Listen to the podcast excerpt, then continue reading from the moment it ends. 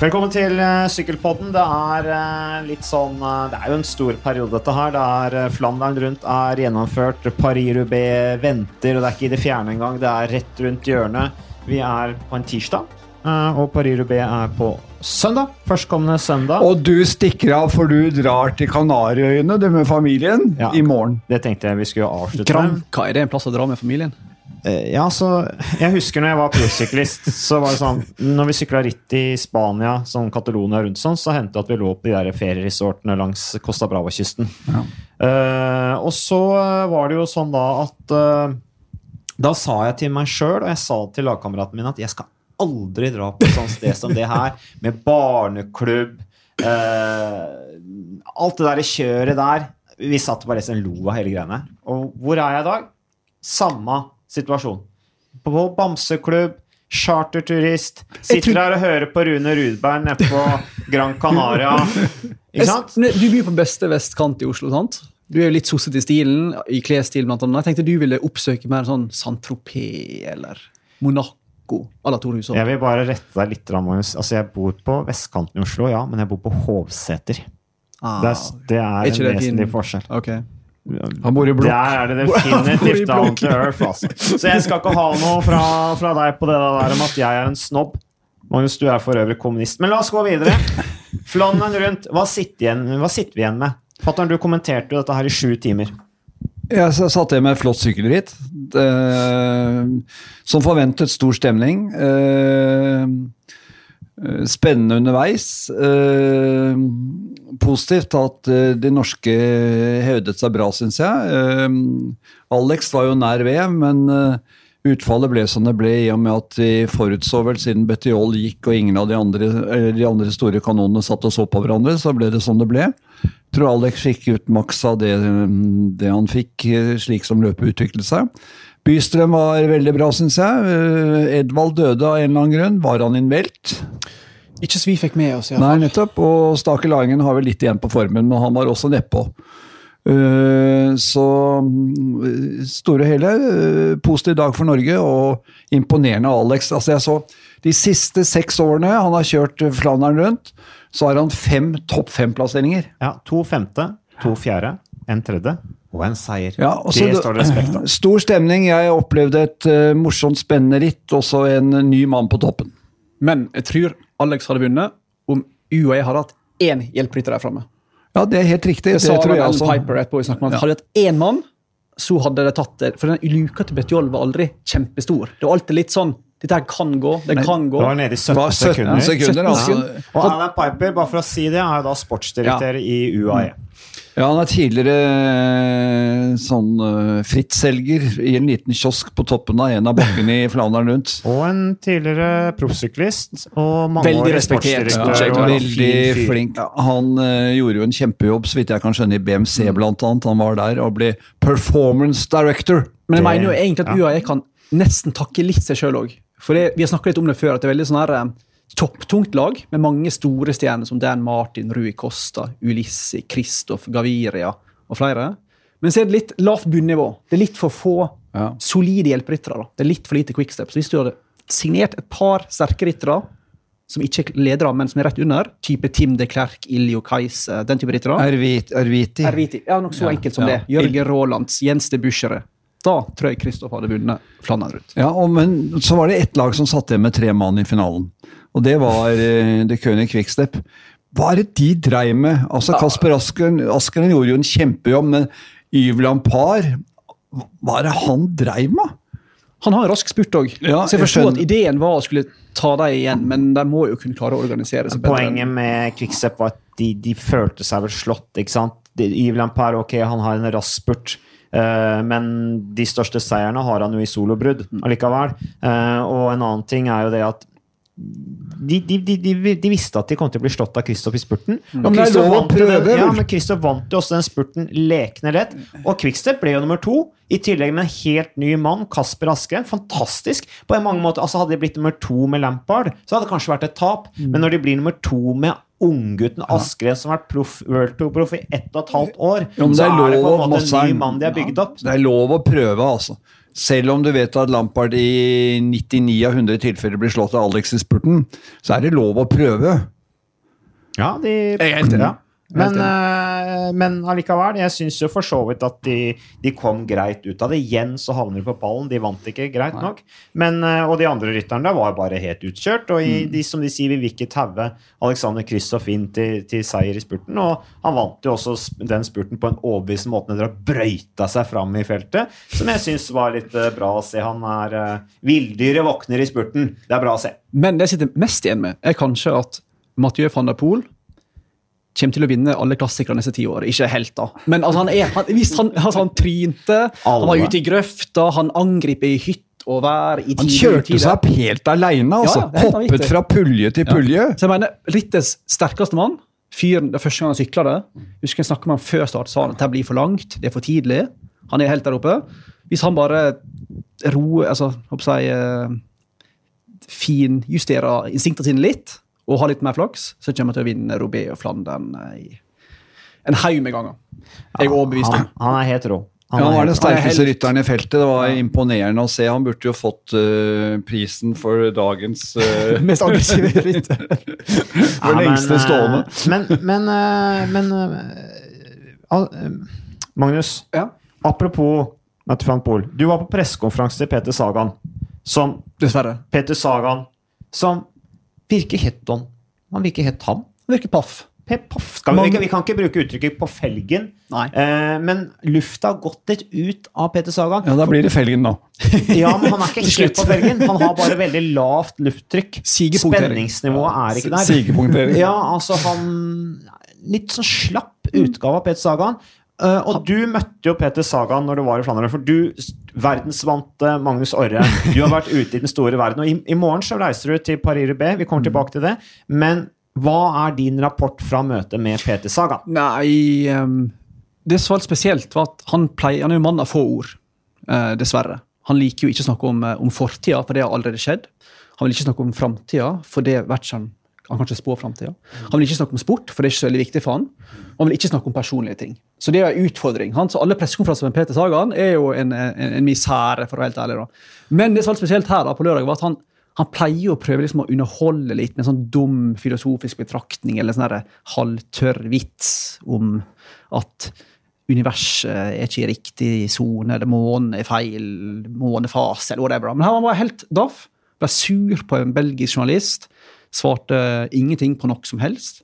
Så jeg husker det vi satt igjen med mange av oss etter den pressekonferansen, var jo at fyren er jo åpenbart stressa. Vi spurte om hvordan formen hans var, han ville ikke spekulere i om formen var litt svak, eller at han hadde vært syk. Ville ikke snakke om noe som helst. Så han var på defensiven. Eh, Jeg gjorde et katastrofalt dårlig intervju med han rett før start. Han sa ingen verdens ting. Det var helt det var utrolig pinlig, men det kom på lufta. Eh, Det var ikke bra. Eh, Så han pleier å være litt mer leiken, da.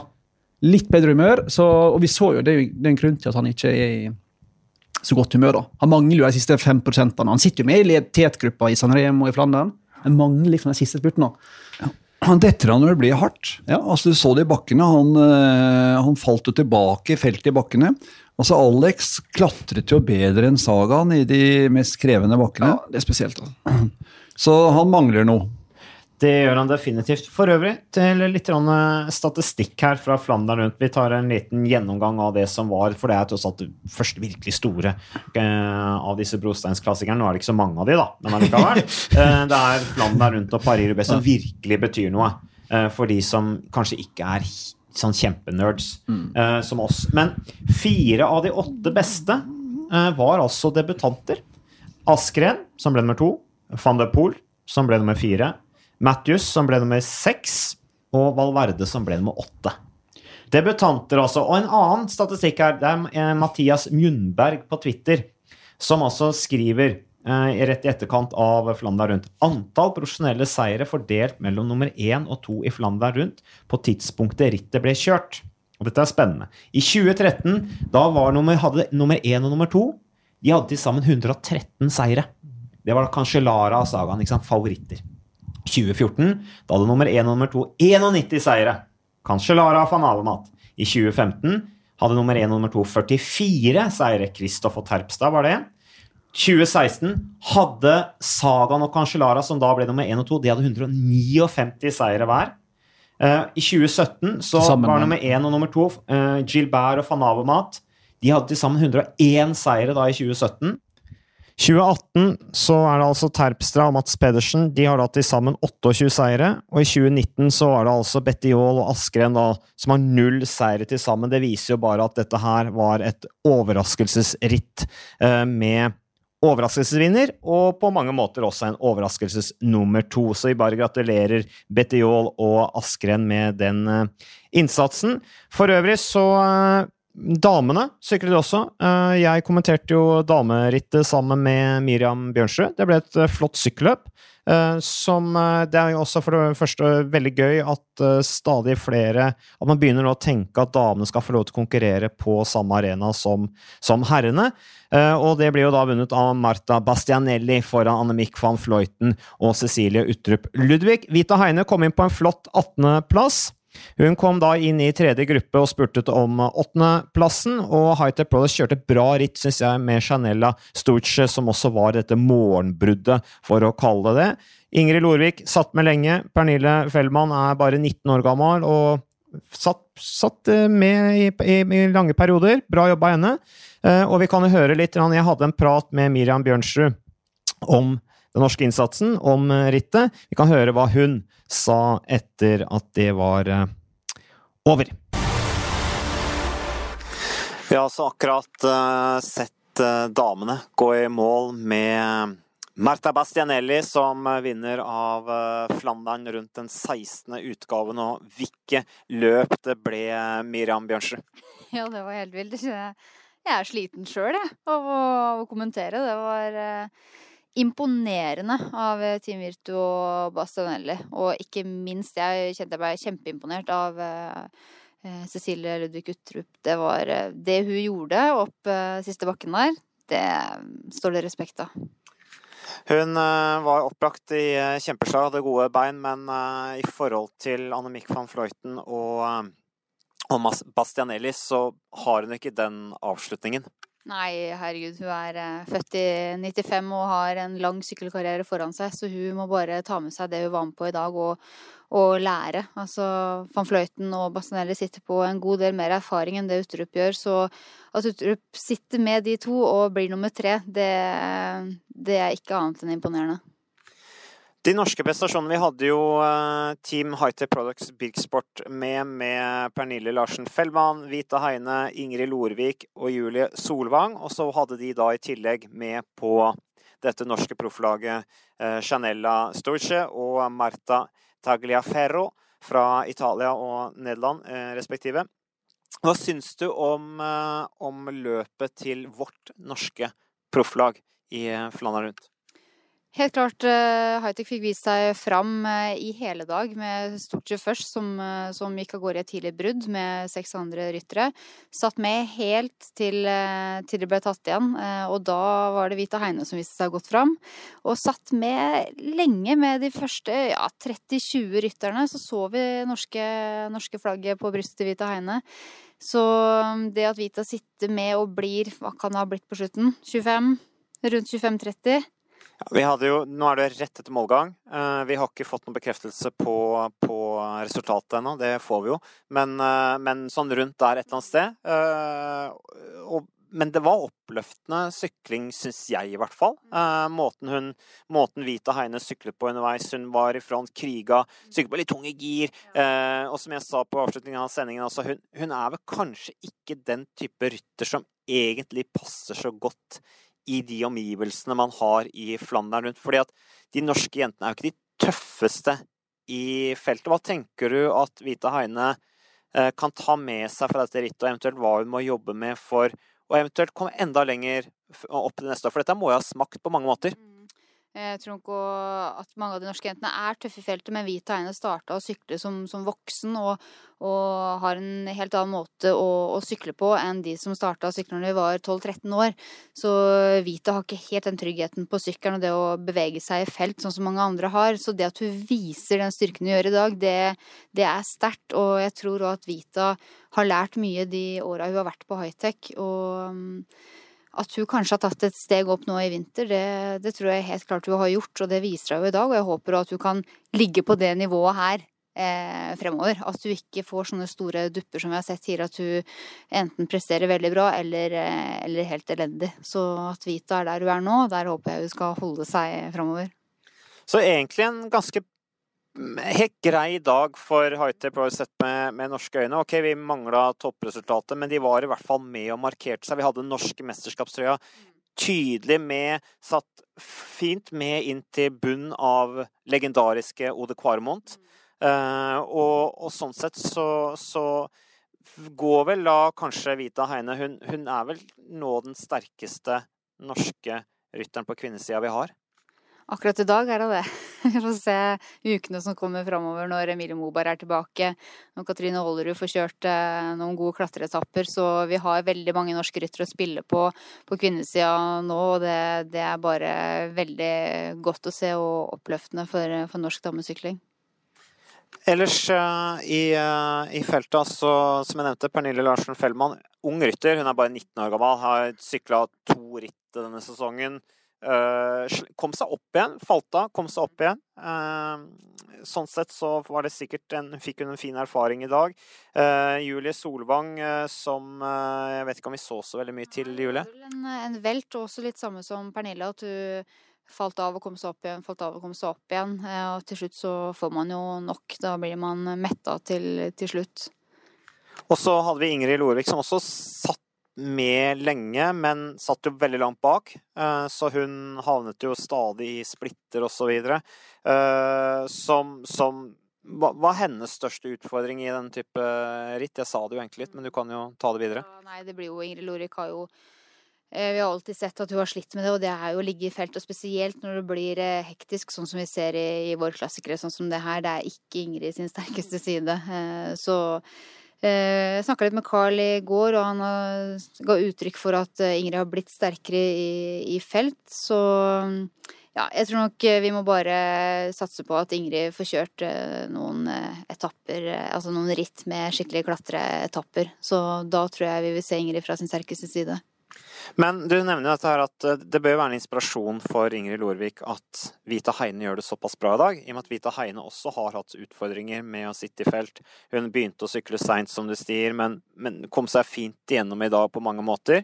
Eh, så det bør være en inspirasjon for, eh, for, for henne. Men er, er, dette med feltkjøring den største utfordringen for, for, jentene? Har de egentlig en bedre kapasitet rent fysisk enn det de, det de, de viser?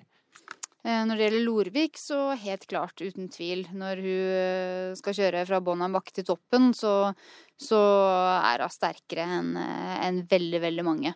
Men um, ser jo Emilie Moberg, Katrine Aalerud, Susanne Andersen. De leker seg jo rundt i feltet. Det er jo ikke noe problem. Så, men jeg tror nok det at de som starta å sykle seg, som jeg var inne på i stad, de, dem, har ikke det inne, det å ligge i felt. Eh, og har man kanskje hatt eh, et par velt i tillegg, så, så hjelper jo ikke det noe særlig på. Men eh, det Vita viser, at hun, hun, gjør det hun gjør i dag, det ja, som du sier, det bør være en inspirasjon for uh, ryttere som Ingrid Lorvik. Susanne Andersen, som for øvrig kan jo nevne at hun ikke var med i eh, Flandern rundt, dessverre. Eh, vi vet ikke hvorfor, men det kan jo være at hun bare rett og slett hun er på et såpass sterkt lag nå. Sykler på Team Sunweb, dette storlaget, og det blir, blir sikkert trangt om plassene. Kjører, hun er med i et annet ritt. Mm. Så vi, eh, vi, er spent på å se når hun kommer tilbake i de neste konkurransene utover sesongen, men alt i alt ja, vi er, eh, vi er fornøyd. Jeg må si meg fornøyd. Det er godt å se high-tech-trøya vise seg fram som hun har gjort i dag. Mm. Det var altså Miriam Bjørsrud og undertegnede om Flandern rundt for damene. Men det som kommer nå til søndag, det er jo Paris-Roubais. Eh, og det er et dramatisk sykkelløp. Bare for å ta et sitat her som jeg så Christian Påske la ut på sin Instagram-profil. Den sier ganske mye. Det er, om, det er et sitat fra Arnbergskogen. Hør på dette her. For you, it's only a dirt track. But for us, for us, it's the gate of hell. Det sier ganske mye. Hæ? Om Arnbergskogen, altså. Og jeg har jo sykla Paris-Roubais sjøl. Jeg ble kasta inn der i 2004 fordi en av gutta ble velta eller ble sjuk, og jeg var i nærheten, sykla en dritt i Belgia. Fikk en telefon om at jeg måtte komme meg på toget, reise til eh, Compagne. Hvor ritt, Compiègne, Compiègne, mener jeg. Compiègne, unnskyld. Compiègne, selvfølgelig. Hvor rittet starter. Det er 80 km nord for Paris. Altså ikke Paris-Roubaix, men Compagne-Roubaix. Eh, og jeg må innrømme at det var veldig spesiell stemning i bussen, altså på vei til, eh, til, eh, til start. Eh, og det er det eneste rittet jeg har blitt polstra under sykkelbuksa på hoftene før rittet starter. For liksom, ja, vi regner jo med at dere kommer til å velte. Og da er det jo greit å i hvert fall ha litt beskyttelse, da. I tillegg til denne lille hjelmen dere har på hodet, og sykkelhansker med ekstra polstring. To lag med styreteip osv. Men hva kan vi si? Altså, nå har vi hatt Flandern rundt. Paris B kommer. Kan vi si noe om at ett ritt er større enn det andre? Ja, Paris-Roubais er større enn Flandern rundt. Hva mener du, eh, Ridder Kakestad? Ja, Hvis du har spurt belgierne, så ville de sagt Flandern rundt. Spør du franskmennene, så sier de Paris-Roubais. Jeg syns de utfyller hverandre. I dramatikk er jeg vil ikke skille det ene fra det andre, men hvis det hadde vært eh, regn og søle, så får du ikke noe mer dramatisk sykkelritt enn Paris-Roubais. Men det blir det jo ikke på søndag. Det ser ut til å bli fint vær, og det kommer til å gå fort som fy. Da er det støvet som plager rytterne. Og selvfølgelig de smale kjerreveiene med disse kampesteinene som ligger som de skal forsere. Men jeg tror Paris-Roubais når jeg sier at det er større Det er jo litt flåsete sagt, men jeg tenker at det er det rittet som der en har mest innhold og mest action fordelt fra start til mål gjennom hele året. tenker jeg da. Det er liksom alltid noe som skjer. Det er liksom alltid et nytt parti, det er alltid ny velt, alltid ny punktering, alltid favoritt som ryker. Så det er liksom det rittet der det skjer mest, allerede fra start til mål. da. Og derfor, i min mening, det gøyeste endagsrittet vi viser. da. Sikkert, altså Flandern er jo like prestisjetung sånn sykkelhistorisk, for så vidt. Men uh, enda litt gøyere, syns jeg. Nei, når det er action, så er jeg enig med deg. Jeg er enig i at det er lite ventetid på en måte i Paris-Roubais. Mm. Uh, samtidig som det er, vel, det er jo noen mil da, før de kjører inn i første prosentstrekket. Hvor mange kilometer på Brostein er det i år, fatter'n? Det er over 50 km? Det jeg har ikke sett sånn nøyaktig på det. 54,5? Ja, ja da er det oppi det meste de har hatt. Så um, det blir iallfall nok å humpe på. Men, det, ble, ja, det ble første gang arrangert altså i 1896, og er jo da selvfølgelig en av de Det er jo, en, det er jo ingen tvil om at det er et av de mest berømte sykkelløpene som er. Eh, kalles altså for Helvete i nord, en fer du nord. Eh, hvorfor, hvorfor kalles det det?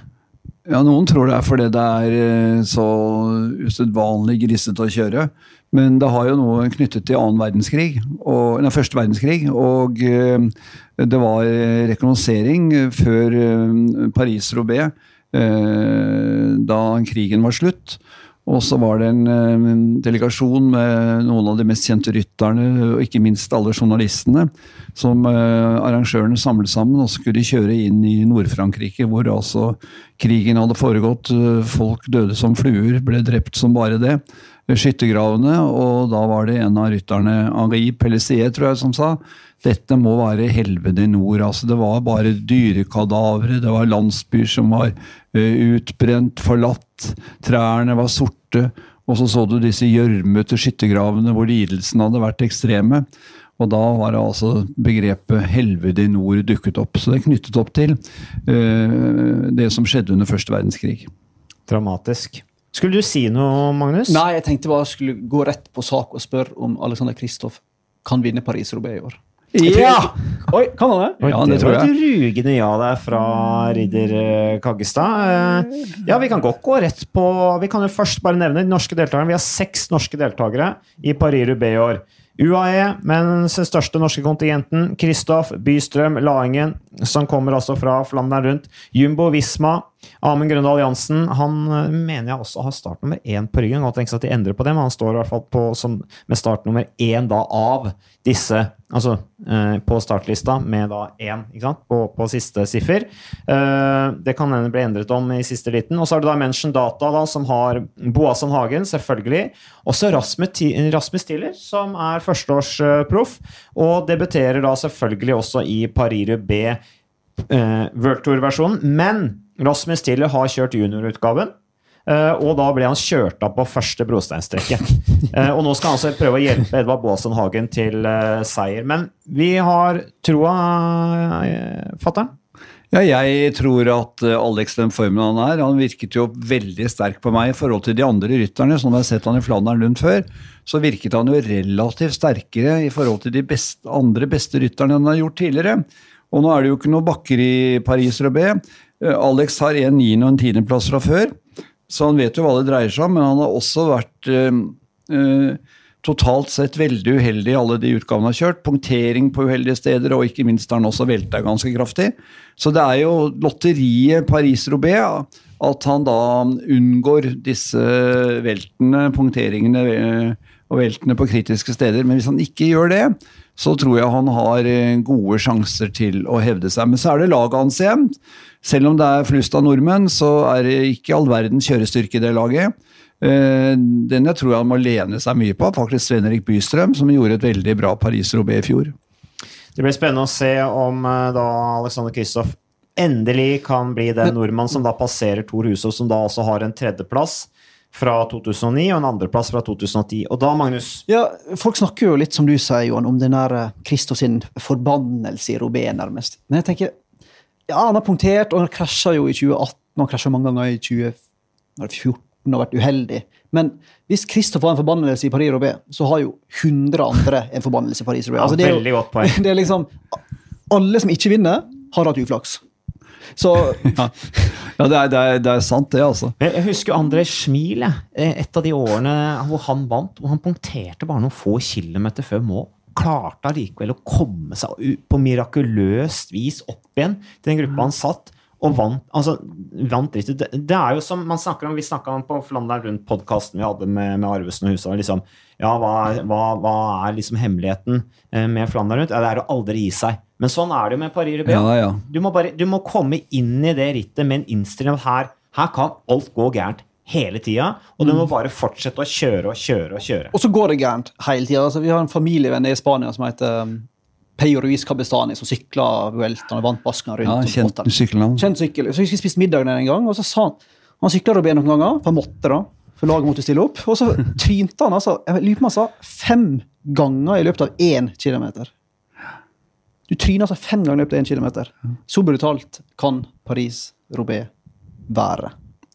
Jeg tror ikke folk skjønner hvor forferdelige disse kampesteinene er som ligger der. Altså det, jeg har jo kjørt bil bak eh, U23-utgaven det året Tor Husodd vant. Og eh, jeg vet ikke hvor mange ganger den bilen hoppa ut av gir. jeg. Ja, ja men det skjer jo stadig vekk. 98. 98, ja. Da kjørte jeg også. Gabriel Rask kjørte. Gabba Morten var nær, husker jeg også. Morten Hegreberg eh, punkterte, tror jeg, på første strekke. Og havna fullstendig i bakveksa. Men kom seg likevel fint igjen. Fikk en helt ok plassering. Men, eh, men jeg husker første gang når- jeg sykla eh, Hvis vi hadde rekognosering over Arnbergskogen i 2004, eh, da jeg skulle sykle det rittet, så ble kasta inn siste ritten, da sto altså Rochelle Ski, sportsdirektøren vår, og lo på enden av Arendal når han så meg komme humpende over der. Og jeg fikk en sånn klaustrofobisk følelse. Jeg visste på en måte ikke hvor jeg skulle gjøre av meg når jeg sykla over der. For det, det rister sånn at du, du, du mister helt kontroll på alle kroppsdeler. Og, og alle rytterne tror at de unnskyld uttrykket, driter på seg når de har kommet i mål. Så de må nesten sjekke buksa, liksom. Men de har jo ikke det. Men det er bare at du, du, blir fillerista så innmari at du, du, du har nesten ikke noe følelse på kroppsdelene dine lenger. Og, og dagen etter Jeg klarte ikke å holde i en blyant eller penn, og knapt klarte jeg å bremse når jeg var ute og sykla. Så det er ganske gå hardt utover kroppen. Ja. ja, impotensen er stor hos rytteren. Den var ikke noe gærent med. Nei vel, du vet det, altså. Hvem vinner da, Johan? Nei, jeg tror Kristoff vinner, altså. Oi. Ja, Mats, det er min hvem sier du? tips. Mine favoritter eh, er eh, Ja, jeg er enig i at jeg syns Kristoff var såpass bra i Flandern rundt at nå må du bare legge fra deg disse her eh, greiene om at du ikke fikser Paris B. Det fikser du, det har du vist før. Du har to topp ti-plasseringer. Du er i såpass bra form, du har erfaring. Nå er det på ti- nå det på tide å ta steget opp på pallen i, i Paris B også. Ellers har jeg satt opp eh, Greg van Avmat, som vant i 2017 foran Stybar og Sebastian Langenfeldt. Eh, han ble også nummer tre i 2015. Nasen har jeg satt opp. Uh, Stybar, som jo har to pallplasser fra 2017 og 2015. Skikkelig helgardering her, altså. Ja, Lampard, Senechal har jeg satt opp. Trentin, selvfølgelig. Van Barl. Og sen var det inntil flere ryttere med. Ja, men, men, okay, Jeg gidder ikke å nevne alle sammen. Sebastian Langefeldt ble nummer tre i 2017. Han er Så i veldig kjempeform, bra altså. Han var en vesentlig årsak til at Betiol vant uh, Flandern, altså. Jeg tror van Avmat vinner. Han så så sterk ut i bakkene i Robé. Og hvis du er heldig med konstellasjonen i, i brudda i slutten av finalen av Robé, så er det ikke nødvendigvis krise om van Avmat sitter alene. Han sitter jo alene hele tida. Han har jo ingen lagkamerater å hjelpe seg noen gang. Men jeg tror han tar det. Men hvem blir da Robé sitt svar på Alberto Betiol? Hvem blir den store overraskelsen? Det må jo bli Josef ikke. eh, uh, Ar Ar Arerua. Den første mørke afrikaneren som skal sykle Paris-Robé. Ja, Delco Marseille. Ja. Nei, det tror jeg ikke det blir, altså. Men uh, Betiol hadde jo en framifrå sesong så langt så kjørestyrkemessig. Han var jo nevnt av mange som uh, en av outsiderne til å vinne. Eh, ja, men eh, Nei, hvem som kan bli den eh, Nils Pollitt, kanskje. Ja, han er typisk Paris-Roubais-rytter. Kjempegod i fjor. Ja. Han var topp fem. Var vel nummer fem i Flandern. Går litt under radaren. Ja, sterk som bare det, passer Ja. til humpede veiene. Uh, Jens Køkkelere har sett sterk ut. ja. Skal Mathieu van de Poel kjøre? Daniel Nei, Aas. Dessverre. Han skal Brabantse Peil. Etter. Ja, det er jo Så han skal inn i Ardennene da, varme opp til, til eh, Amstel. Amstel Gold Race. Uh, Ardennes-klassikerne, som jo ikke er tre ritt, men det er jo ikke fire. For vi må jo slenge med den. Brabantse Fil der, uh, som, eh, som, uh, som er en oppvarming til rittet. Men eh, jeg tror at vi har eh, tatt favorittlista på Paris-Rubais Ja, jeg konsentrerer meg bare om én favoritt, ja, og det holder massevis som meg. altså. Alexander Kristoff. Men nå er jeg nødt til å forlate dere, for jeg må gå og forberede meg til Paris-Roubais. Så da fikser Gyldig dere fravær. Hva? Gyldig fravær. Ja, det er gyldig fravær. Som jeg gleder meg som en unge som jeg alltid gjør til Paris-Roubais. For jeg vet at det kommer eh, noen hyl fra Christian eh, Påske når gutta går i bakken. Å nei, ikke nå igjen! Kommer det til å si. Men velkommen på søndag! Klokken 10.30 begynner vi. Da er det bare oss to uh, hjelperytter, Magnus Aare. DNF på Johan Kaggestad. DNF på Johan Kaggestad der. Han måtte også forlate studio for å eh, jobbe med forberedelser til Paris-B. Det skjønner vi. Det er mye å forberede, mye å prate om der. Eh, Litt annet, eh, Magnus, eh, for å avslutte denne podkasten. Baskeland rundt pågår eh, nå. Eh, Første etappe i går med litt sånn typisk sånn disse sadistene eh, som arrangerer Baskan rundt. Det er også et ritt jeg har sykla et par ganger, faktisk. Syns det var ganske ok ritt. Uh, likte meg der. Men de ligger inne og bratte kneiker. Og i går så klarte, var det rytta som ikke klarte å ha styringsfart opp denne kneika de skulle opp. Så du rittet? Ja, det var mange som måtte som både velta eh, og som måtte ta foten i bakken. For det var vel opp den der eh, berømte, i alle fall i Baskeland, den La Antigua-stigningen, som er en sånn 4-5 km fra barndomsheimen til Isagire-gutta. Den er så bratt, og så er det vått, og så er det nesten 30% Så da måtte for George Bennett, en av verdens beste klatrere, han velta. da. Så det sier jo litt om eh, nivået, men det er jo litt sånn klassisk Baskeland å legge ned tempo, som da plutselig er 10 km lang.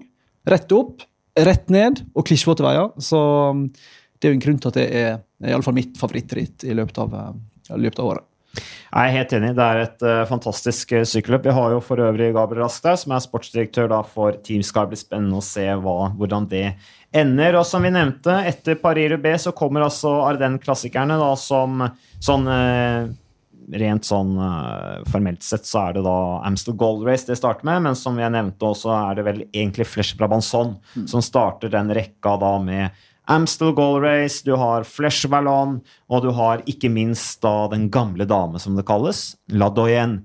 Uh, Liège, Baston, Liège. Ellers, Bokbadet, Magnus. Du kommer inn her med lektyre under armen. En svær, nydelig bok uh, om Paris-Roubais. Eh, men først må du fortelle litt om dette bokprosjektet som jeg føler du aldri har blitt ferdig med. Hvordan endte boka med Miguel Indurain? Er du Nei, altså, med det er den biografi som endte jo med at karrieren slutta. da. Surprise, surprise. Men, Men, hva sitter du igjen med? Var det en eh, Eh, dyp bok?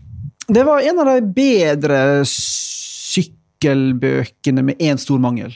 Altså Veldig sånn, veldig godt skrevet. Miguel Undrain er en veldig folk, altså, han er en veldig fascinerende type fordi han er så lite fascinerende.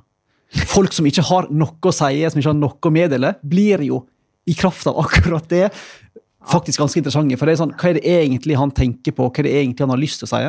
Han, han, sa, jo, han sa jo ingenting noen gang, og var heller ikke intervjua til boka. Uh, symbolsk nok.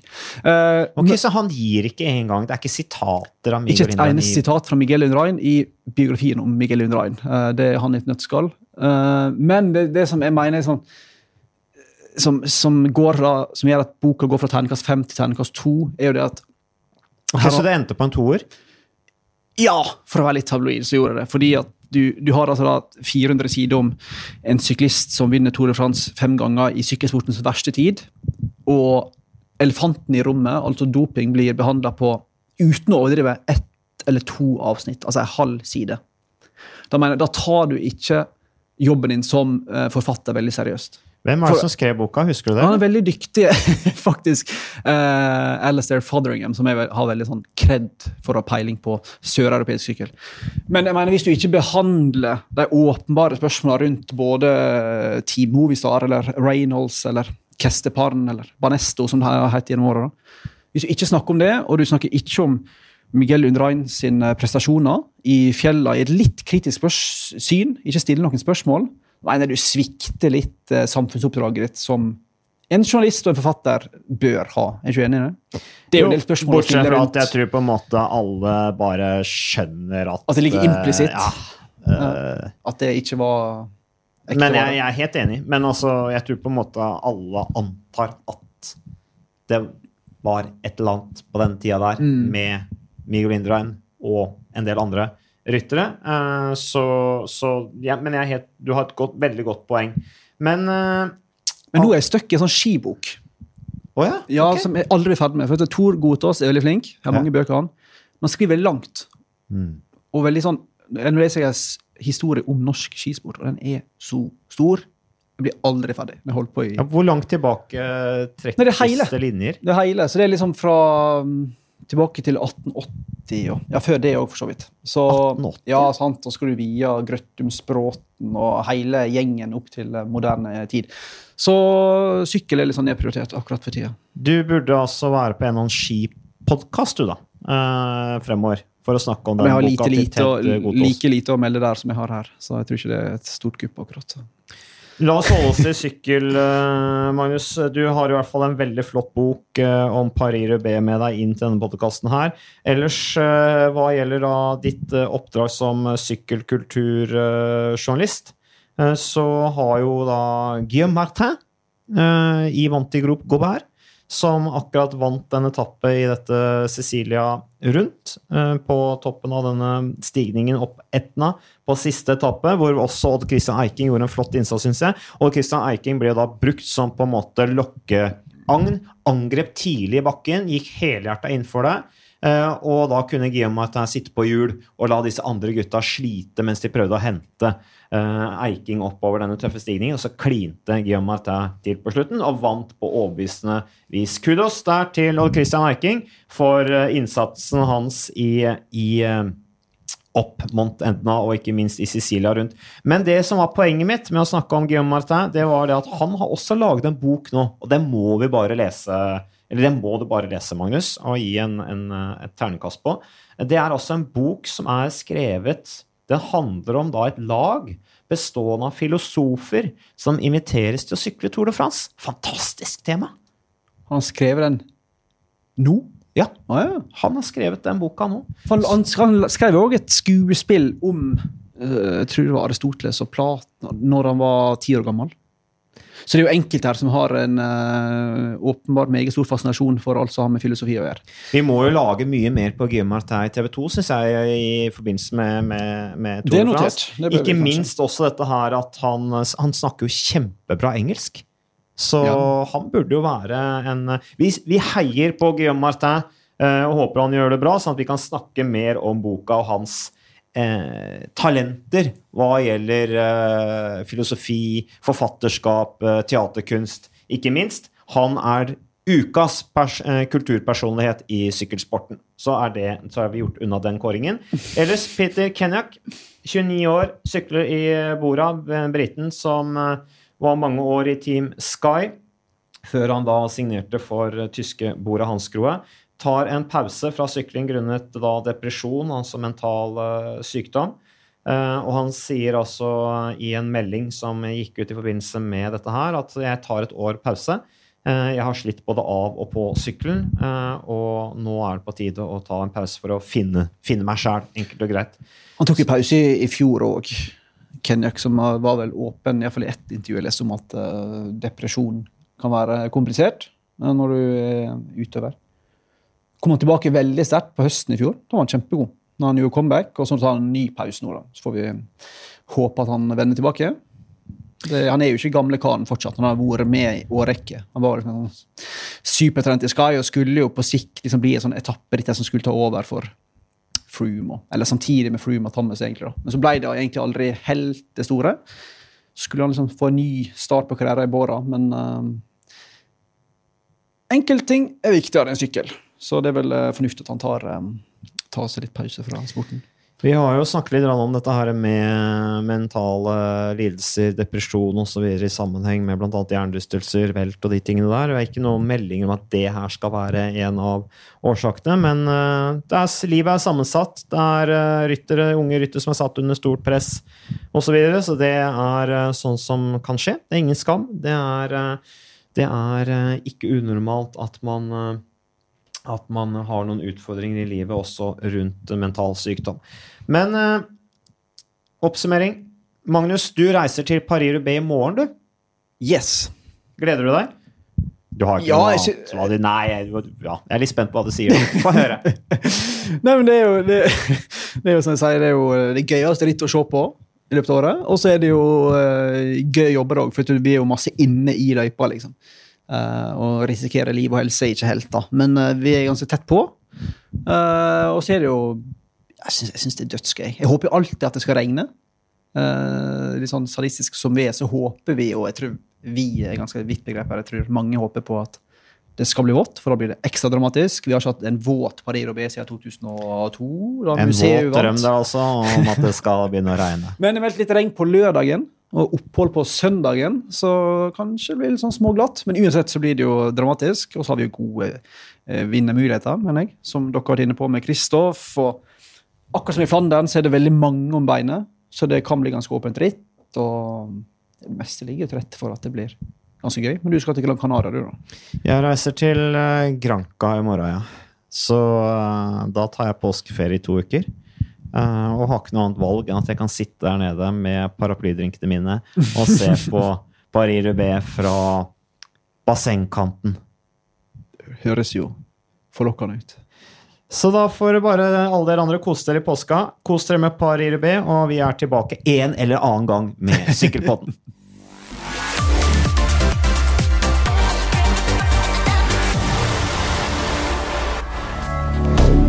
Moderne media.